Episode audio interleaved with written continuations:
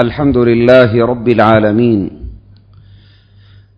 اللهم لك الحمد حمدا خالدا مع خلودك ولك الحمد حمدا لا منتهى له دون علمك ولك الحمد حمدا لا منتهى له دون مشيئتك ولك الحمد حمدا لا أجر لقائله إلا رضاك. والصلاة والسلام على المبعوث رحمة للعالمين وعلى آله وأصحابه ومن تبعهم بإحسان إلى يوم الدين. يا أيها الناس اتقوا ربكم إن زلزلة الساعة شيء عظيم. يوم ترونها تذهل كل مرضعة عما أرضعت. وتضع كل ذات حمل حملها وترى الناس سكارى وما هم بسكارى ولكن عذاب الله شديد.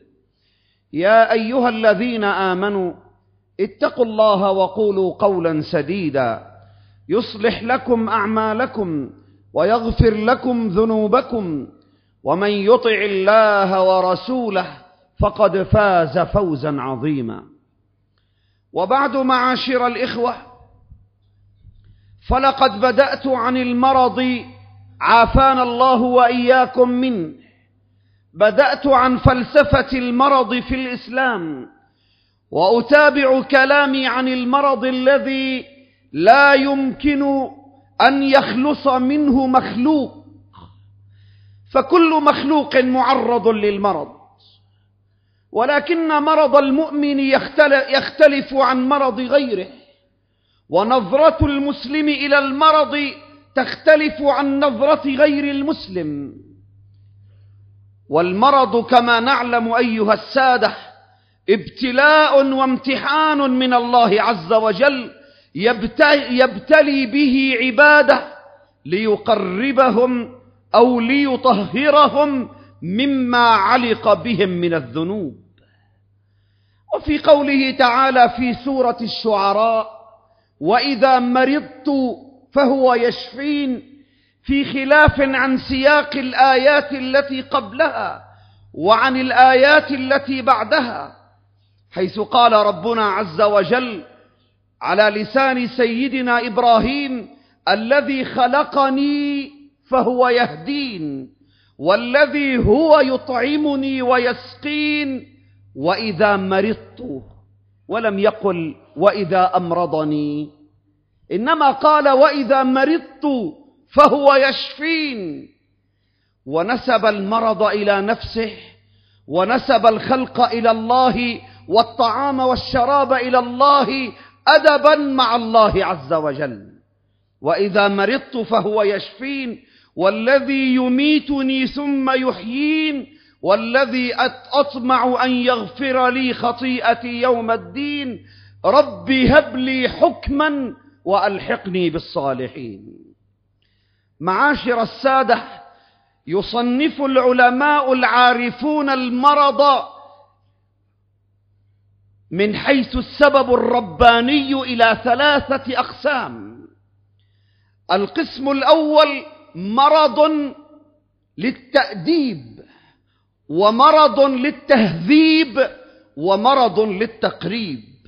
أما مرض التأديب الله يؤدب عبده فهو إن كان صاحبه ذا معصية من فجور أو كذب أو فسوق أو تهاون في الصلاة فهو يكفر أي المرض فهو يكفر سيئاته ويطهره ويطهره من ذنوبه. قال عليه الصلاة والسلام ما يصيب المسلم من نصب ولا وصب ولا هم ولا حزن ولا أذى ولا غم حتى الشوكة يشاكها إلا كفر الله بها من خطاياه كل مصيبة تصيبه يكفر الله عز وجل بهذه المصيبة من خطايا العبد. ولذلك قال عليه الصلاة والسلام ما يزال البلاء بالمؤمن والمؤمنة في نفسه وماله وولده حتى يلقى الله وما عليه من خطيئة. هذا مرض للتأديب. أما مرض التهذيب فهو إن كان صاحبه ذا مرض باطني لا يراه الناس كالحسد. والكبر والبخل فهو فهو ذو مرض باطني ليطهره الله وليزكيه من هذا المرض فيهذبه من ذنوبه. مرض للتقريب مرض للتأديب ومرض للتهذيب ومرض للتقريب يقربه من الله وهو لرفع الدرجات والمقامات وهو لا يكون إلا للأنبياء وإلا للأولياء الصالحين. قال عليه الصلاة والسلام إن الرجل تكون له المنزلة عند الله عز وجل فما يبلغها بعمل له منزلة عالية لا يبلغها بعمل فلا يزال يبتليه بما يكره حتى يبلغه ذلك. يبتليه بالأمراض حتى يرفعه إلى تلك المنزلة التي بوأه إياه وعن سيدنا جابر بن عبد الله رضي الله عنه قال رسول الله صلى الله عليه وسلم يود أهل العافية يوم القيامة حين يعطى, يعطى أهل البلاء الثواب لو أن جلودهم كانت قرضت في الدنيا بالمقاريض. يعني يتمنون في يوم القيامة وعندما يعطى أهل الأجر أهل الأجور أجورهم أن تكون جلودهم في الدنيا قرضت بالمقاريض وأن يأخذوا ثوابها في الآخرة. لذلك أيها السادة على الإنسان عندما يمرض بدءا من ألم رأسه وانتهاء بأكبر مصيبة في مرض قلبه. عليه عندما يمرض أن يتهم نفسه وأن يقول أنا مذنب مع الله أنا مقصر مع الله أبصر شو إلي مصيبة شو إلي ذنب ماذا عملت من ذنوب ومعاصي حتى أن الله عز وجل أدبني أو هذبني بهذا المرض. هذا الكلام أيها الإخوة قاله سيدنا أبو بكر الصديق رضي الله تعالى لما دخل عليه بعض أصحابه وهو في سكرات الموت. أيها الإخوة الأكارم سيدنا أبو بكر الصديق أعظم وأفضل الخلق بعد الأنبياء. أعظم رجل بعد الأنبياء أبو بكر الصديق. دخل عليه بعض من أصحابه وهو على فراش الموت. قالوا له يا أبا بكر ماذا تشكو؟ شو المرض اللي معك؟ فقال لهم أبو بكر أشكو ذنوبي. أشكو ذنوبي. فقالوا له ماذا ترجو؟ ما بدك الله يعافيك. ماذا ترجو؟ قال أرجو رحمة ربي. قالوا له يا أبا بكر أفلا ندعو لك الطبيب؟ قال الطبيب أمرضني. الطبيب الله. الطبيب أمرضني. وشاهدي في ذلك ماذا تشكو يا أبا بكر؟ قال أبو بكر أشكو ذنوبي. ويأتي الواحد منا وقد سود الصفحات وملأ حياته ذنوبا ومعاص ثم يمرض فيقول لا مرضي للتقريب جعل الله يرفع درجاتي. لا من أجل أن يكفر الله سيئاتك. يا معاشر السادة أصيب أحد الصالحين يوما وهو يعلم أجر وثواب الصبر على البلاء. فلم يتألم ولم يتأوه. فقالوا له لم لم تتألم؟ لم لم تتوجع؟ قال إن حلاوة ثوابه المرض له ثواب. وسأذكر لكم ثواب المرض. إن حلاوة ثوابه أنساني مرارة وجعه. حلاوة ثوابه أنساني مرارة وجعه. يا معاشر السادة في قوله تعالى وما أصابتكم من مصيبة فبما كسبت أيديكم ويعفو عن كثير. إنما يفعله الإنسان منا من ذنوب ومعاصٍ قد يكون تكفير هذه المعاصي والذنوب إنما هو ابتلاء من الله عز وجل في مرض يمرضك الله به. ولذلك هذا المرض وإن كان من أجل أن يؤدبنا أو أن يهذبنا لكنه مع ذلك هو من أجلنا. هو من أجلنا. المرض من أجلك. قال تعالى قل لن يصيبنا إلا ما كتب الله لنا. شوف بين كتب الله لنا وبين كتب علينا. لو قال كتب علينا يعني ضدنا. لو قال كتب لنا قال الله كتب لنا. قل لن يصيبنا إلا ما كتب الله لنا. في الحسابات قيدنا لكم. إذا عليه يقول قيدنا عليكم. قل لن يصيبنا إلا ما كتب الله لنا. إذا هذه المصيبة من أجلنا من أجل أن يكفر الله سيئاتنا وأن يكفر خطايانا وأن يمحو ما علينا من ذنوب. فالمرض أيها السادة صوت الله في الأرض يؤدب به عباده أو يهذبهم أو يقربهم. وإن الابتلاء بالمرض من جملة محبة الله للعبد المؤمن. ومن جملة نقمة الله على العبد الكافر. والله يريد الخير بمن يمرضه. لا يظنن أحد أن فلان مرض يعني الله ما بيحبه لا. مرض إذا كان مؤمنا مسلما. مرض لأن الله يحبه. لأن الله يريد أن يكفر عنه سيئاته. قال عليه الصلاة والسلام إن عظم الجزاء مع عظم البلاء. وإن الله إذا أحب قوما ابتلاهم فمن رضي فله الرضا ومن سخط فله السخط. فإذا أصيب أحدنا بمصيبة فلا مانع أن يظهر ألمه فهذا أمر فطري ولكن أن يقول مع كل كلمة الحمد لله الشكر لله يا رب لك الحمد. كان سيدنا عمر بن الخطاب رضي الله عنه إذا أصيب بمصيبة حمد الله تعالى على ثلاثة أمور. الأمر الأول أنها كانت هكذا ولم تكن أكبر. الأمر الثاني أنها كانت هذه المصيبة في الدنيا ولم تكن في الدين. الأمر الثالث أن الله ألهمه الصبر عليها. ألهمه الصبر عليها. يا معاشر السادة لو أردت أن أسرد لكم من قصص الصالحين في صبرهم على مرضهم.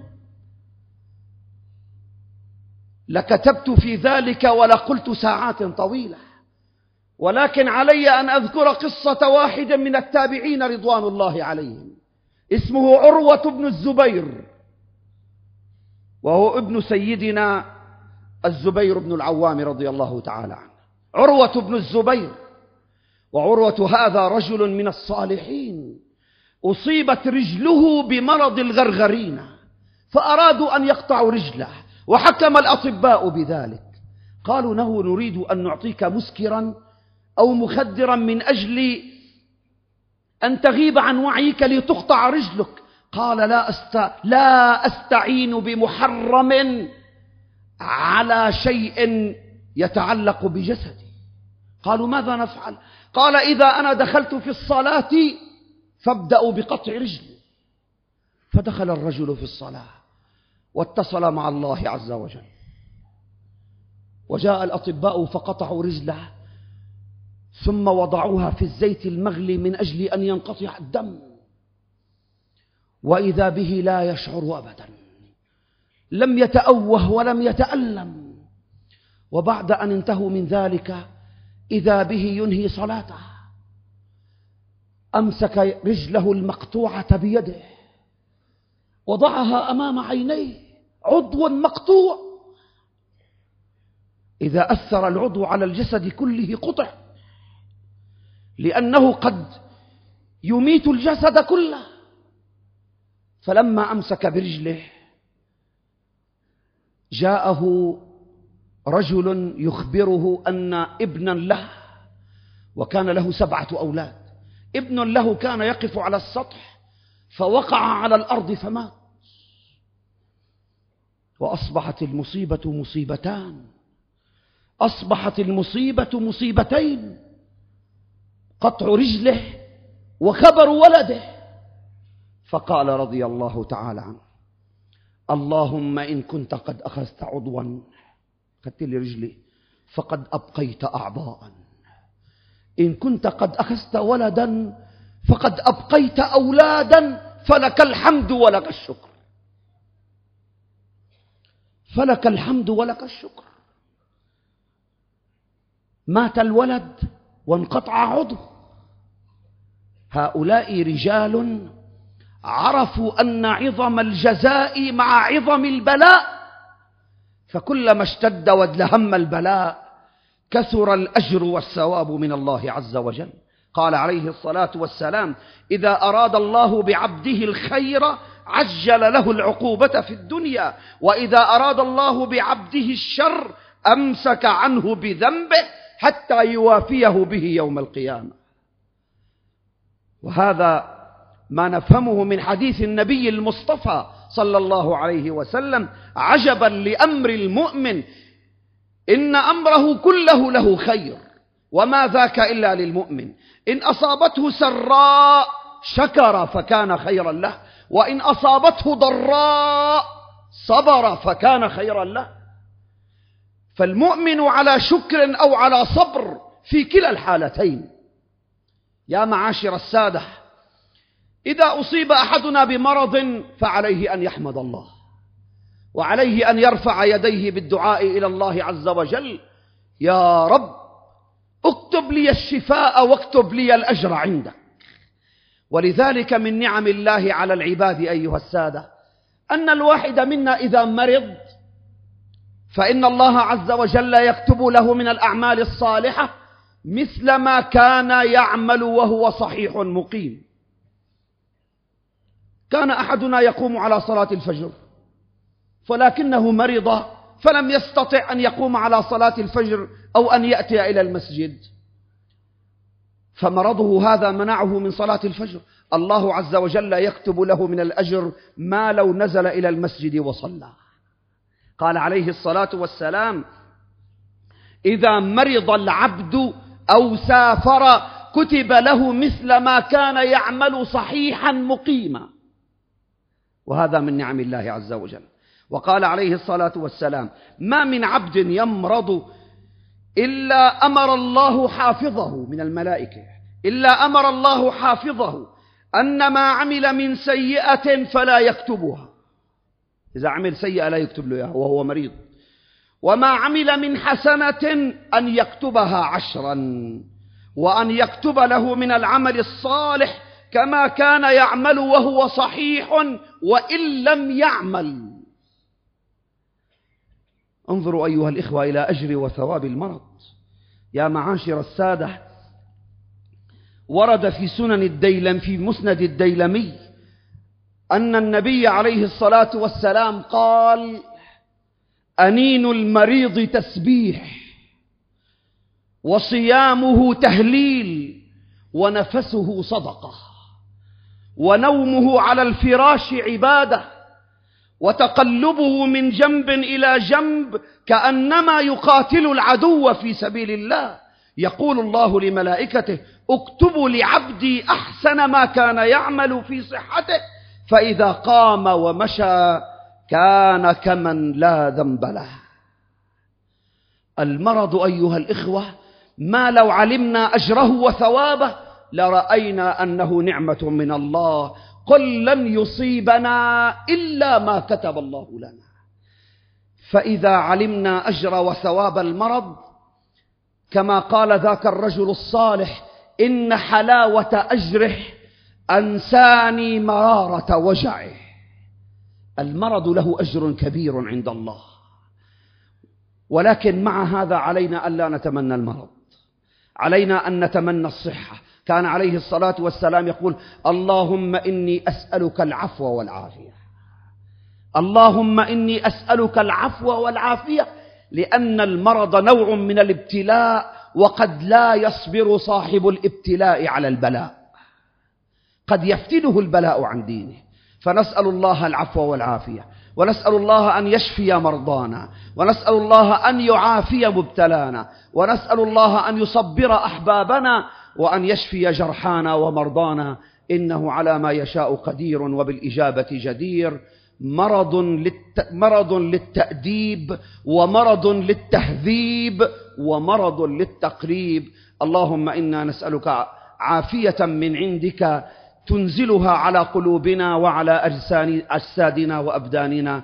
إنك على ما تشاء قدير وبالإجابة جدير. أقول قولي هذا وأستغفر الله.